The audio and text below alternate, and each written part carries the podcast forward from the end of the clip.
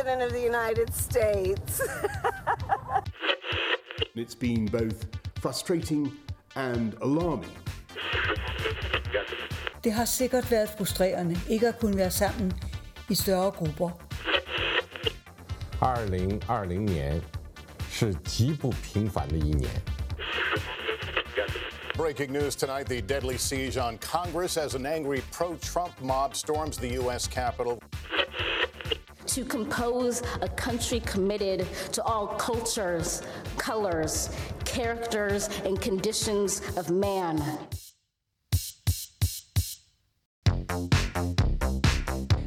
Góðan dag, kæru hlustendur, þeir eru að hlusta á heimskviður. Ég heiti Guðmundubjörn Þorbjörnsson.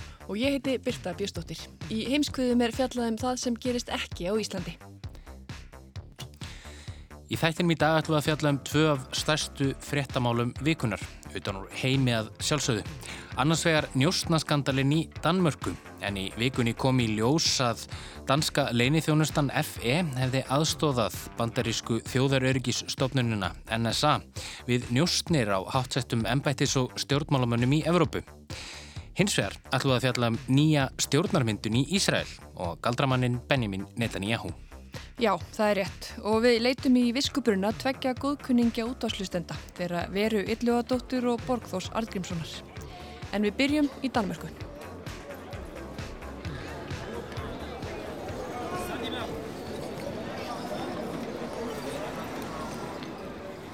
Sumarið er komið í Kaupmannahöfn og Danir farin að sjá fram á bjartari tíma eftir langt og stránt ár. Göturnar íða af mannlífi og kaffihúsin í gamla miðbænum eru þjætt setin. Heimsfaraldur kórunveru hefur hins vegar leikið Dani grátt líkt og aðra og dönsk stjórnvöld eins og almenningur vona nú að þið versta sé af staðið og Danir geti haldið áfram að drekka sinn bjór, borða sitt smörrebröð og njóta þeirra fríðinda sem felast í því að búa í skandinavisku velferðarkerfi. Eitt og annað getur komið sér illa í heimsfaraldri og það þekkja danskir ráðamenn. Til dæmis síðastliðið haust þegar grunur kom upp um koronaviru smitt í mingum í landinu. Stjórnvöld gáfu þó út að fella eitti allan mingastofn landsins til að spórna við útbreyðslu og var miljónum minga lóað. Ég ætla ekki að fara út í þetta minga fíaskó hér en heldarkostnæðurinn við að farga þessum loðnu greiðum er talin vera á sjötta miljard íslenskra króna og stjórnvöld gaggrínd harðlega fyrir vægast sagt mjög klúðuslega og kostnaðasama framkvæmt. En það er ekki bara mingar sem rotna í Danaveldi, ó nei, það er fleira rótið í Danaveldi svo vittna sé ekki ómerkara skald en sjálfan Shakespeare.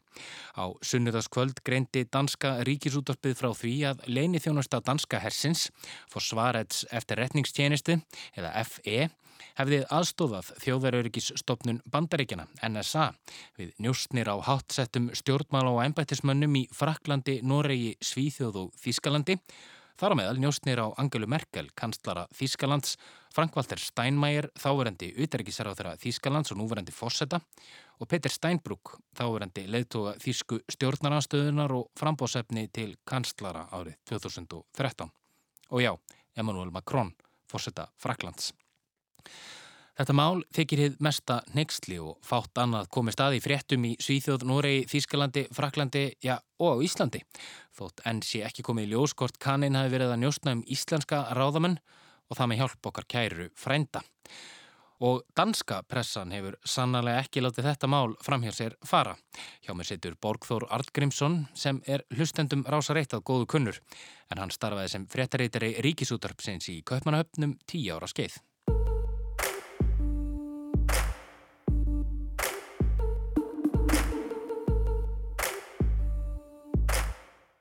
Eiginlega allir stóru blöðin þrjú, Politíken, Bellinski og Jótlandsposturinn og, og líka tvö minni blöð sem að ástunda vöndu vinnubröð, Informasjón og Kristilegt Dagblad.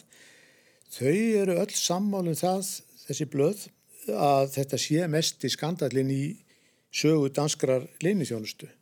Það er ekki það að það sé ólöglegt fyrir leinithjónustu hersins að vinna með samstarfsaðilum eins og hann og kallað en að þeir skuli hafa veitt bandarísku þjóðaröryggistofnunni NSA heimil til þess að njústna um stjórnmálamenn utan Danmerkur með því að hlera kapla sem fari gegnum Danmerkur. Það er mm. skandalin eins og þeir segja. Danmörk er nefnilega eins konar umferða miðstöð tölvu samskipta í Evrópu. Það líkja þetta mjög margi samskipta þræðir um og uh, á korti sem að danska út, útvarpið, Damarsradio, byrti, þar bara líkist þetta helst svona gistnum kongulofef. Þessi umferðar miðstöð tölvu samskipta í Evrópu, þessi gistni kongulofefur, er danska fjarskiptanettið sem eins og Borgþór segir er gríðarlega umfangsmikið og auðvitað ansi vel staðsett. Danska ríkisútvarpið DR og fjölmiðlar í Svíþjóð, Noregi, Þískalandi og Fraklandi hafa greint frá málinu síðustu daga í samvinnu en það er DR sem komst fyrst á snóður um málið. Danska útvarpið hefur lagt mjög mikla vinnu í þetta. Hópu starfsmanni hefur unnið þessu máli bara mánuðum saman og verið í, í samvinnu og sambandi við sænska og norska útvarpið og Deutsche Zeitungbladið og, og sjónvastöðvar í Þískalandi og Le Monde í Fraklandi og þetta hefur náttúrulega orðið að fara með þetta alveg reynd eins og falin eld því að láti ekki neitt komast í þetta og frétt af þessu. Segir Borgþór Artgrímsson. Uppröna þessa máls má rekja aftur til ásins 2013 þegar uppljóstarærin Edward Snowden lag upplýsingum um þjóðaröryggisstofnun bandaríkjana NSA. Við það vaknaði grunur innan dönsku leini þjónustunar um að NSA hefði nýtt sér aðgang FE, dönsku leini þjónustunar þar að segja, að danska fjarskiptanetinu til að stunda njóstnir. Þá fóru danskir að velta því fyrir sig hvort að það væri ekki líka verið að njóstna um þá og þetta leti til þess að, að forstjóri um, leinithjónustu Hersins, hann setti af stað verkefni sem að fekk heitið Operation Dúnhammer. Dúnhammer það þýðir lókepli, úr grasafræðinni. Sem sagt svona stöngul sem að hleður utanum sig, kannski svolítið táknrænt heiti í sjálfu sér.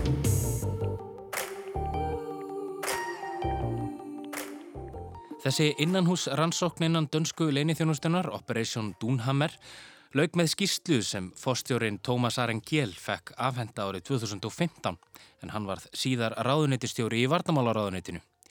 Nýðustöður skýrslunar voru afdráttarlausar. Þjóðarörgistofnun bandaríkjana, NSA, hafði nýtt sér aðganga dönsku leinithjónustunar að danska fjarskiptanetinu til að stunda markvistar njóstnir um fólk og fyrirtæki í Danmörku, Noregi, Svíþjóð, Fraklandi, Þískalandi og jafnvel víðar og það með vitund og vilja starfsmanna dönsku leinithjónustunar. Svo gerðist eiginlega mjög lítið þanga til í ágústi fyrra. Það er nefnilega svo að þar til síðasta sömar fóru þessar upplýsingar ekki út fyrir dyr leinithjónustunar. En í ágúst sendi Varnamálaráðanitið Danska frá sér tilkynningu um að yfirmaður dönsku leinithjónustunar hefði verið sendur heim, Rekin, á samt fleiri hátsettum starfsmönnum og Tómas Arengél, lestur frá störfum sem ráðanitistjóri í Varnamálaráðanitinu. Og hann sittur nú heima og, og starir á gólfjallinnar eins og miðlarnir kalla það. En ástæðan fyrir þessum heimsendingum, hún kom svo í ljós nokkrundu og setna. Þar var tvent til. Það var annars vegar þetta um þessa samvinnu sem hafi farið langt út fyrir heimildir og hann var, var komin í málið og vissorðið um þetta og svo líka það að þessi Tómas hann hafi verið að taka þátt í því að semjum launahækkanir fyrir unnustu sína og það þótti nú ekki par gott. Mm. En þarna snýst þetta aðeins um sko, já, njóstnir á, á dönskum ríkisborgur? Já, en svo náttúrulega kom fleira í ljós. Þeir hætti ekkit að grafa bladamennir og þeir náttúrulega komast í það í gegnum geysilega vinnu að þarna er margt, margt fleira undir og maður veit náttúrulega ekki hvort þeir hafa komist í skýrsluna sjálfa en maður verður nú að telja líklegt. Já, bandaríkinn voru nefnilega ekki aðeins að njóstna um Dani, heldur einnig hátsetta ráðamenn utan Danmerkur, hátsetta ráðamenn á borð við Angelu Merkel, Þýskalandskanslara og Emmanuel Macron, Fraklandsfósetta. Þau hafa bæði fordæmt aðtæfið og krafist svara frá dönskum stjórnvöldum. Meira um þau viðbrögð síðar. En nú er verðt að spyrja hvernig ósköpunum er samskiptum Dana og bandaríkjana eiginlega háttað, fyrst þetta er raunin. Þetta er ju bæði NATO-ríki og allt það, en fyrir má nú vera. Ég held að meðnum segja sko að samskipti þessara þjóða á, á sko sviði varnar og örgismála þau hafi verið náttúrulega mjög náinn og mjög góð og Danir hafa verið helstu stuðnismenn eh, innan NATO og, og líka utan NATO bandarækjaman við hernaði í öðrum löndum og, og sendanga hermenn þannig að þau samskipti hafa verið mjög góð og, og bara náinn held ég mig að segja. Og það tengis náttúrulega líka því að svo verður danski fórsættis á þeirra Hannes Fó, hann var framkvæmdastjóri NATO mm -hmm. og það hefði náttúrulega aldrei orði nema af því að, af því að þeirra samband var gott, hans, hans og, og bæði Clintons og Bush, ekki síðu Bush. Það getur verið að samskiptin hafi aðeins súrnað á síðast ári þegar Donald Trump, þáverandi bandaríkjafórseti, lísti yfir áhuga sínum á að kaupa Grænland við litla hrifningu danskra stjórnvalda. Trump fór í fílu og hætti við ofinbæra heimsók til Danmörkur en hann hefur nú vantalega glemt því fljótt. En gott og vel, Danir og bandaríkjumenn eiga gott og náið samband. En hvað með samskipti dönsku leinithjónustunar og þjóðurörygistofnunar bandaríkjana? Það er mjög forvittnild að vita um þennan samning sem að var gerður. Það var sérstaklega gerður samningur. Samningurinn sem Borgþór talar um og frá er greint í Operation Dunhammer skýslunni er samningur milli danskra og bandarískra stjórnvalda. Samningur sem almenningur hefur ekki vitað af hingað til og er góð ástæða fyrir því. Aftöpuna samningurinn eins og hann er stundu kallaður. Mm -hmm. Hann, hann kemur hérna til sko svona ykkur tími kringum 90 þá voru kanadni búin að komast að því að, að það væri þessi mikli kapall og að Danmörk væri þessi svona umferða miðstöð eða svo má nú árið komast. Og það, þá reyndu þeir að fá leifi til þess að, að hlera og leini þjónast að neyta því. Þeir gáðist ekki upp og fórsetin hann e, þrýsti mjög á Pól Nýru Brasmussen sem var fórsetisráður á tíunda áratugnum. Og endanum, endanum fekk hann leifið og það vakti nefnilega aðtikli bladamanna og fjölmjölamanna þegar Bill Clinton kom 97 til Danmarkur og á útifundi þar, 80 manna útifundi á strykinu, þá þakka hann dönum fyrir vináttuna og þeir væri sko vinir í raun og allt þetta og þeir hefði sínt gott fordæmi. It is said that every Dane has a relative in America. Today I can tell you all Americans know they have a friend in Denmark.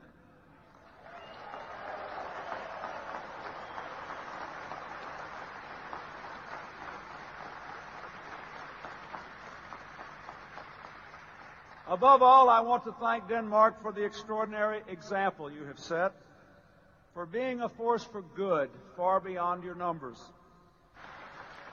gott fordæmi.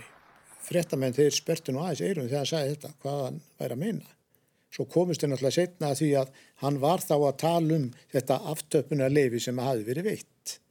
Og það er aldrei fyndið með hennan samning að hann er svo leinilegur hann er bara til í einu eintæki. Hann var ekki prentaður á tölvu. Hann var prentaður á rítvél. Það sko miðlarnir svo að það hefði verið smitt korona. Ég skal ekki segja neitt um það og svo er hann gemdur í skjálaskáp sem er í danska varnamálraðanitinu og það fær engin að fara eitt eða neitt með hann samning, hann er þarna í skápnum en allir varnamálaráðherrar sem taka við, þeir sjá samningin og líka fórsættisáðurann og danski varnamálaráðherran hverju sinni, hann setur stafina sína á samningin þannig að næsti ráð þeirra sem kemur, hann veit að sá sem var á undan, hann hefur séð samning.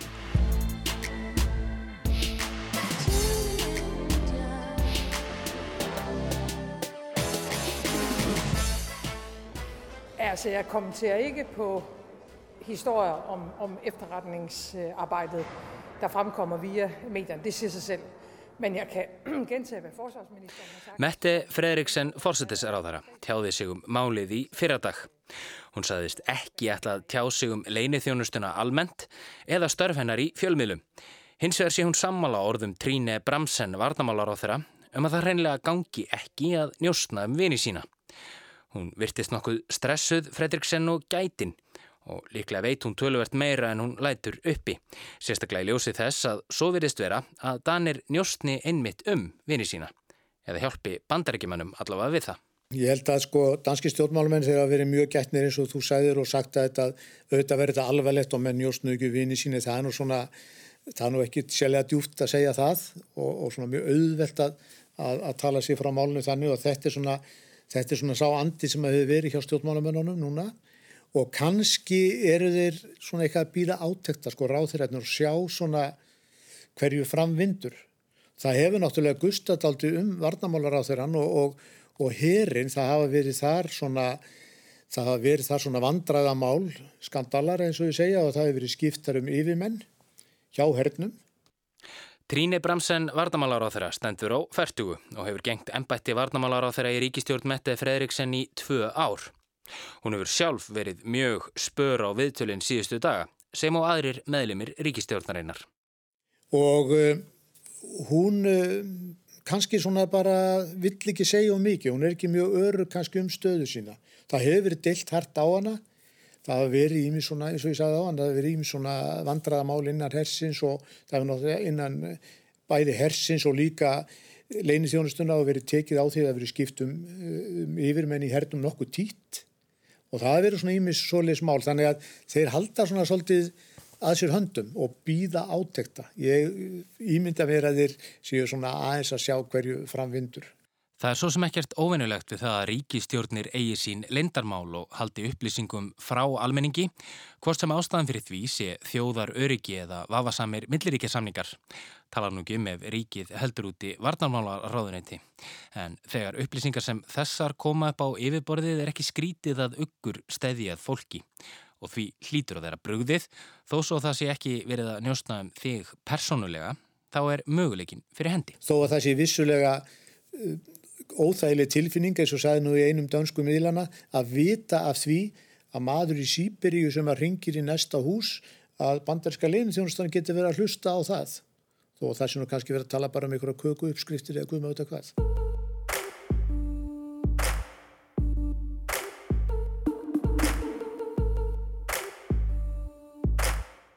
En sem komið er er engin niðurstaða komin í þetta mál og hver hún svo sem verður og hvaða afleðingar hún hefur vitum við ekki. Bandaríkistjórn er þögul sem gröfin og aðspurður um málið á bladamannafundi í Varnamálaráðunitinu fyrir í vikunni flissaði John Kirby, talsmaður ráðunitisins. Ég ætla ekki að tala um málefni leini þjónustunar hér. Takk fyrir. I'm not going to talk about intelligence matters. Okay. Uh, we value our allies uh, very, very deeply um, and I'm not going to speak to these press reports, uh, and I'm certainly not going to get into intelligence issues. Yeah, it's not press report, it's uh, the French president not, and the German uh, chancellor. I, I, know. I've seen the press reports of their comments. I'm not going to speak to intelligence matters. Okay. Hins vegar verður aldrei spennandi að vita, það er ekki komið að því, hvað þessir kallar sem voru sendir heim, ef að þeir fara ekki að tala, mm -hmm. sem ég getur alveg gert og það er náttúrulega búið að skipa það er búið að skipa einhverja eftirlitsnemnd núna. Já, rannsóknar nefndir eftir að sagt. Og maður veit ekki hvernig starfi hennar líkur og, og maður veit ekki hversu leinilegt það verður. En, en það er alveg klart mála fjölminlarni þeir munu alveg líka yfir því er svo gammar að reyna að fá að fylgjast með því og, og segja svo frá. Takk fyrir komuna í heimskuður, Borgþór Argrímsson Takk sem leðis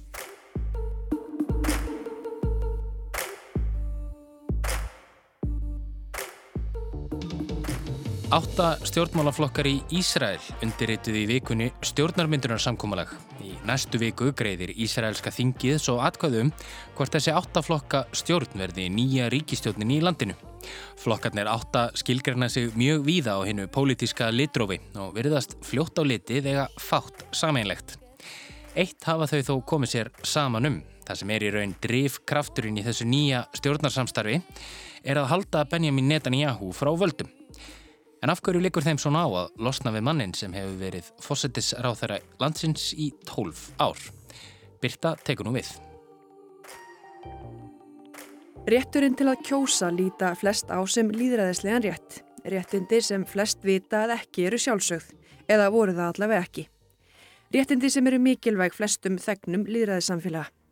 Það er hins vegar spurning hvort íbúar Ísraels hugsi jafn hlílega til þeirra réttinda að fá að kjósa sér þingmenn og aðrir. COVID-þreita er orð sem oft hefur hyrst undanfæri misseri En allir vel bólusett Ísraelska þjóðin finni ekki frekar fyrir kostningaþreitu en COVID-þreitu. Á undanförnum tveimur árum hefur fjórum sinnum verið gengið til þingkostninga í Ísrael. Og það er alls ekki vegna þess að kjörtímabilin þar séu svo ólega stutt, alls ekki. Það hefur bara gengið svo illa að mynda ríkistjórnum.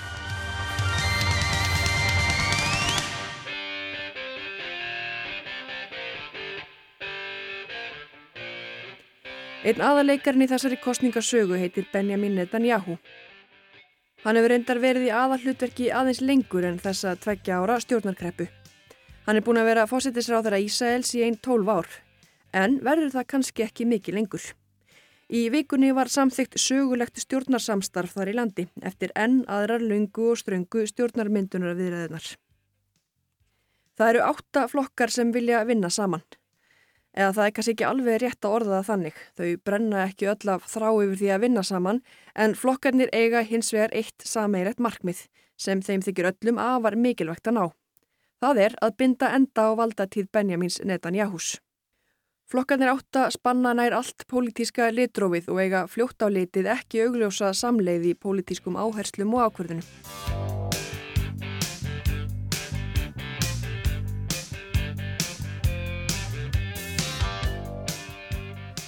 En hver er þessi maður sem hefur gengt ennbætti fósittisráðar í Ísraels í 12 ár? Þessi maður sem átta stjórnmáluflokkar í Ísrael vilja nú næstum allt gera til að losna við úr ennbættinu. Benjamin Netanyahu. Hann á sér svona svolítið ofinlegan bakgrunn eða fyrir fósittisráðara Ísraels hinga til. Hann er fættur 1949 sem að þýðra hann er fyrsti uh, leðtói landsin sem að er fættur í sjálfstæðu Ísraels ríki eftir 48. Hvort sem þú lustandi góður ert að hlýða á þessa umfjöldin í útvarpi eða hlaðavarpi þá þarf ég líklega ekki að kynna fyrir þér konuna sem hér talar. Meðal þess ótal marga sem vera yllugadóttir hefur varpað ljósi sögunar á í samnemdum þáttum er æfiferill Benjamins Netanyahus. Og hann er svonur sagfræðingsins Bensjón Netanyahu sem var uh, svona nokkuð fyrirferða mikill í uh, já, baróttunni fyrir uh, Ísraels ríki og svona umræðu en var mjög gallharður síonisti og, og mjög hægri sinnaður á þeim tíma sem að verkalýðsreyfingin og, og uh, vinstri að jafnaðamenn voru kannski fyrirferða mestir í Ísraelsku þjóðlifi. Þannig að skoðanir uh, Bensjóns föður Netanyahu áttu kannski ekki alveg upp á pallborðið uh, í Ísrael þegar Benjamin var að alast upp og þess vegna dvaldi fjölskyldan mikið í bandaríkunum þar sem að Bensjón var við kennslu og önnur störf. Þannig að Benjamin Netanyahu er alin upp að miklu leiti í bandaríkunum. Hann gekk í, í mentaskóla í uh, útkverfi Fíladelfju og þetta hefur já, markaðan mikið. Hann þykir uh, tala til dæmis ennsku með frekar sterkum bandarískum hreim Hann fór síðan í eh, MIT í Massachusetts og lærði þar uh, fyrst arkitektúr og, og síðan stjórnun og fekk eftir það líka vinnu hjá ráðgjáðafyrirtækinu Boston Consulting Group þar sem hann starfaði meðal annars með mitt Romney um, um skeið. Hann auðvitað var í hernum eins og önnur ísraelsk ungmenni en þar var það eldri bróður hans sem, sem að skaraði fram úr í, í herrmennskunni, hann átti sem sé eldri bróðurinn uh, Jónatan sem var í úrvalsveit Ísraelshers og, og svona við þeirra fjölskyldan, Netanyahu fjölskyldan hafi búist við miklum afregum af uh, þessum elsta síni Jónatan uh, og jáfnveil svona einhverjum pólitískum afregum og eins og oft eins og oft er að, að hernaðarleituar fara síðan út í stjórnmálinn í Ísrael. En síðan gerir það 1976 að, að Jónatan Netanyahu fellur í hernaðarkerði í Úganda þar sem að veri var að bjarga ísraelskum gíslum og hann verður mikil þjóðþettja fyrir vikið. En svona, þá er það verið svona falla á herðar Benjamins uh, næsta sonar að svona taka við keflinu af honum. Uh, kannski ekki endilega það sem að hann vildi í fyrstu eins og, eins og einhverjir æfisugurítarar Benjamin Netanyahu hafa leitt líkum að hann hafi svona kannski frekar raun og veru bara vilja setja stað í bandaríkunum þar sem hann kunni allskaplega vel við sig og var komið með þetta, þetta góða jobb og, og var farin að lífa svona ansi ljúfu lífi. En uh, þegar uh, eldrirbróður hans deyr þá svona fer hann að huga aftur að, að, að Ísrael og, og, endar á því að hann uh, fer heim og, er þar um, um tíma og fer síðan reyndar aftur til bandaríkjana og vinnur við Ísraelska sendiráðið og síðan við sem fastafulltrúi Ísrael við saminuði þjóðnar 1984 og vekur þar uh, líka aðtikli fyrir svona, já, hann er svona uh, æfði greinilega mikið svona sjónvarsframkomu og, og allt slíkt sem að kannski var ekki ekki vaninn í Ísraelskum stjórnmálum að þessum tíma. Hann fikk svona sína það að hann er komin svona daldið úr bandarískri mold hálfpartinn. Hann er, var með rosalega svona þjálfað að fá að sjónvarsframkomu og að búin að æfa ræðumennsku og, og handarreyfingar og, og allt slíkt og verður svona daldið stjarnar uh, í bandaríkunum með alls svona Ísraels vina og, og hægri manna sem að sem að hérna dástað Ísraels viki og vekur þannig aðtegli og sömulegis þegar hann kemur síðan heim til Ísrael aftur 1988 og gengur í hægri flokkin líkút.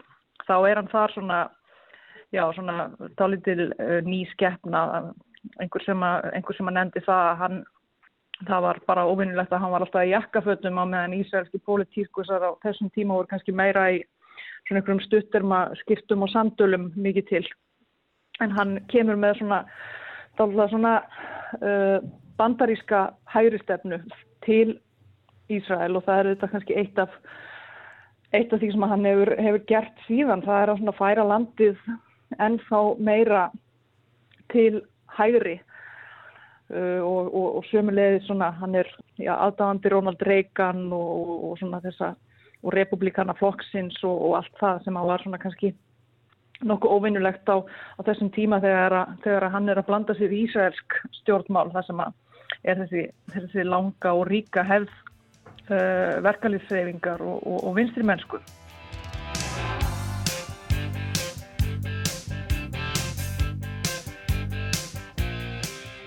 Já, eins og vera lýsir myndaði Benjamin Netanyahu mikil og sterk tengslið bandaríkin. En sætti það marksitt á stjórnartíð hans sem fósettisráþra, þar að segja á alþjóðasviðinu. Já, hann hefur notið mjög góðs að því bara sérstaklega kannski bara einfallega hvað hann er mjög góður í ennsku og duglegur að koma fram. Já, þegar hann var bara óbreytið þingmaður þá hann, var hann til dæmis reglulegu gestur á, á CNN sem hann talaði máli Ísraels við uh, bandaríkjamenn og, og, og, og vakti svona aðtikli á, á Ísraelskum málstað og hann hefur haldið því áfram og er svona sá fórsætisráþara Ísrael sem að hefur verið svona fyrirferða mestur í svona fjölmiðlum og, og, og þannig utan landsins kannski og, og er alltaf er alltaf mættur að tjá sig og svoleiðis. Þannig að hann hefur gert það og sérstaklega kannski líka á síðari árum þá síðust ára hann spilaði mikið uh, út því spili hvað hann væri góður vinnur Donald Trumps uh, og notaði það óspart heimafyrir. Þeim kom mjög vel saman, þeim Trump og, og uh, Netanyahu enda mun Netanyahu hafa þekkt föður Trumps á sínum tíma þegar hann var í bandaríkunum þannig að hann notaði það mikið og, og sumulegðis svona, já hann hefur verið mikill uh, haugur auðvitað þannig að hann hefur uh, talað um ekki bara í, ekki bara í Palestínu deilunni heldur sumulegðis auðvitað uh, tjási mikið um, um já meinta okn sem að Ísraels ríki stafar af, af Íran og íransku kjarnorku áalluninni og, og svona frægar ræður í, í saminuðu þjóðunum og, og fleira sem að hann hefur hveðið fasta orði. Þetta var Netanyahu á alþjóðasviðinu, en hvernig fórsetisráður var hann heima fyrir? Hvað fannst Ísraelum um hann? Hann hefur verið mjög lífsegur en uh, þrátt fyrir það mjög umdeldur. Hann uh, hefur vist verið kallaður stundum gáldramæðurinn af því að það verist ekkert einhvern veginn festast við hann og hann kemst alltaf út úr uh, já, öllum klípum verist vera. Uh, hann verður fyrst fórsætsáþara 1996, uh, gengur nokkuð brösulega og býður séðan ósigur í, í kostningum 1999 og þá kannski er enginn sem að sérstaklega býst við að hann muni snúa aftur í pólitík en verður síðan ráð þeirra í ríkistjórn Ariel Sharon 2003 og, og síðan formaður líkut flokksins og þetta aftur uh, fórsættis ráð þeirra síðan sem hann hefur verið og slitið núna í, í, í 12 ár. Hann uh, kemur alltaf aftur og, og þrátt fyrir að, vera mjög umdeltur þá, þá uh, já, tekstunum að, að halda völdum. Hann er auðvitað ansi hægri sinnaður og, og hefur fært á sinni valdatíð Ísraelsk stjórnmál en þá lengra til hægri og alltaf uh, lengra og, og lengra. Þannig að hann á þetta öfluga anstæðinga marga á, vang stjórnmálana því sem eftir er af, af vinstri vang stjórnmálana í Ísrael. En síðan hefur hann líka eignast uh, anstæðinga kannski sérstaklega á síðust árum á hægri vangnum og komin upp svona hreyfing sem að já, hefur verið borin saman við uh, uh, republikanana sem að voru á móti Trump í, í bandaríkunum, svona bara persónleir anstæðingar Netanyahu, af því að það hefur mikið gengið á í, í þessari fórsættisráð þeirra tíð hans og sérstaklega núna upp á síðkastið þegar að hann er farin að þurfa að mæta fyrir dóm vegna fjölda spillingarmála, uh, mörgum þetta blöskrað það en hann, já, hann segir alltaf bara að, að hann sé besti kosturinn til að tryggja öryggi í Ísraels og svo framvegs þannig að það skipti einhver máli hvað hann sjálfur er, er persónlega spiltur og þetta neyti hann, neyti hann þeim ásökunum sem er leiðis. Þessi mikla olga í Ísraelskum stjórnmálum upp á, upp á síðkastið þessar fjóra kostningar á, á undanförnum tveimur árum þetta hefur, já, miklu er þetta bara snúist um personu Netanjáhús og hvort fólk vilja hafa hann áfram eða ekki. Já, róstur á stjórnmálasviðinu í Ísæl undan fann ár hefur að mestu snúist um personu Netanjáhús og það verðist nýjasta tilunin til stjórnarmyndunar sem leiðis líka gera. Því eins og við nefndum í upphafið þessa pistils verðist eitt helsta markmið nýra ríkistjórnarlandsins að koma honum frá völdum. En er það vænlegt til stjórnarsamstarfs og árangurs? Það er mjög erfitt að sjá það og þannig er þetta með sko, já, flokka á, ímsum vangjum stjórnmálana, þannig eru þannig er íslamista flokkur, arabískur þetta, þannig leittógin ennþá hægri sinnaðri en, en Netanyahu sjálfur sem er kannski einmitt mjög skipt dæmi um, um arflöðu Netanyahus það að, að, færa stjórnmálinn svona Uh, stjórnmálinn til hægrið en hvernig uh, þessum flokkum mun koma saman er, er erfitt að sjá og síðan auðvitað, já ef þeim tekst áallunarverkið að, að koma Netanyahu frá þá mjög ólíklegt að hann setist bara í, í helgan stein. Hann mun uh, vafalust uh, taka til við nýtt hlutverk sem uh, leiðtói stjórnarandstöðu og sumulegis róa öllum árum að því að komast aftur til valda. Ég held að, held að það sé nokkuð ljósta að hann er ekki tilbúin til þess að, til þess að leggja upp laupana.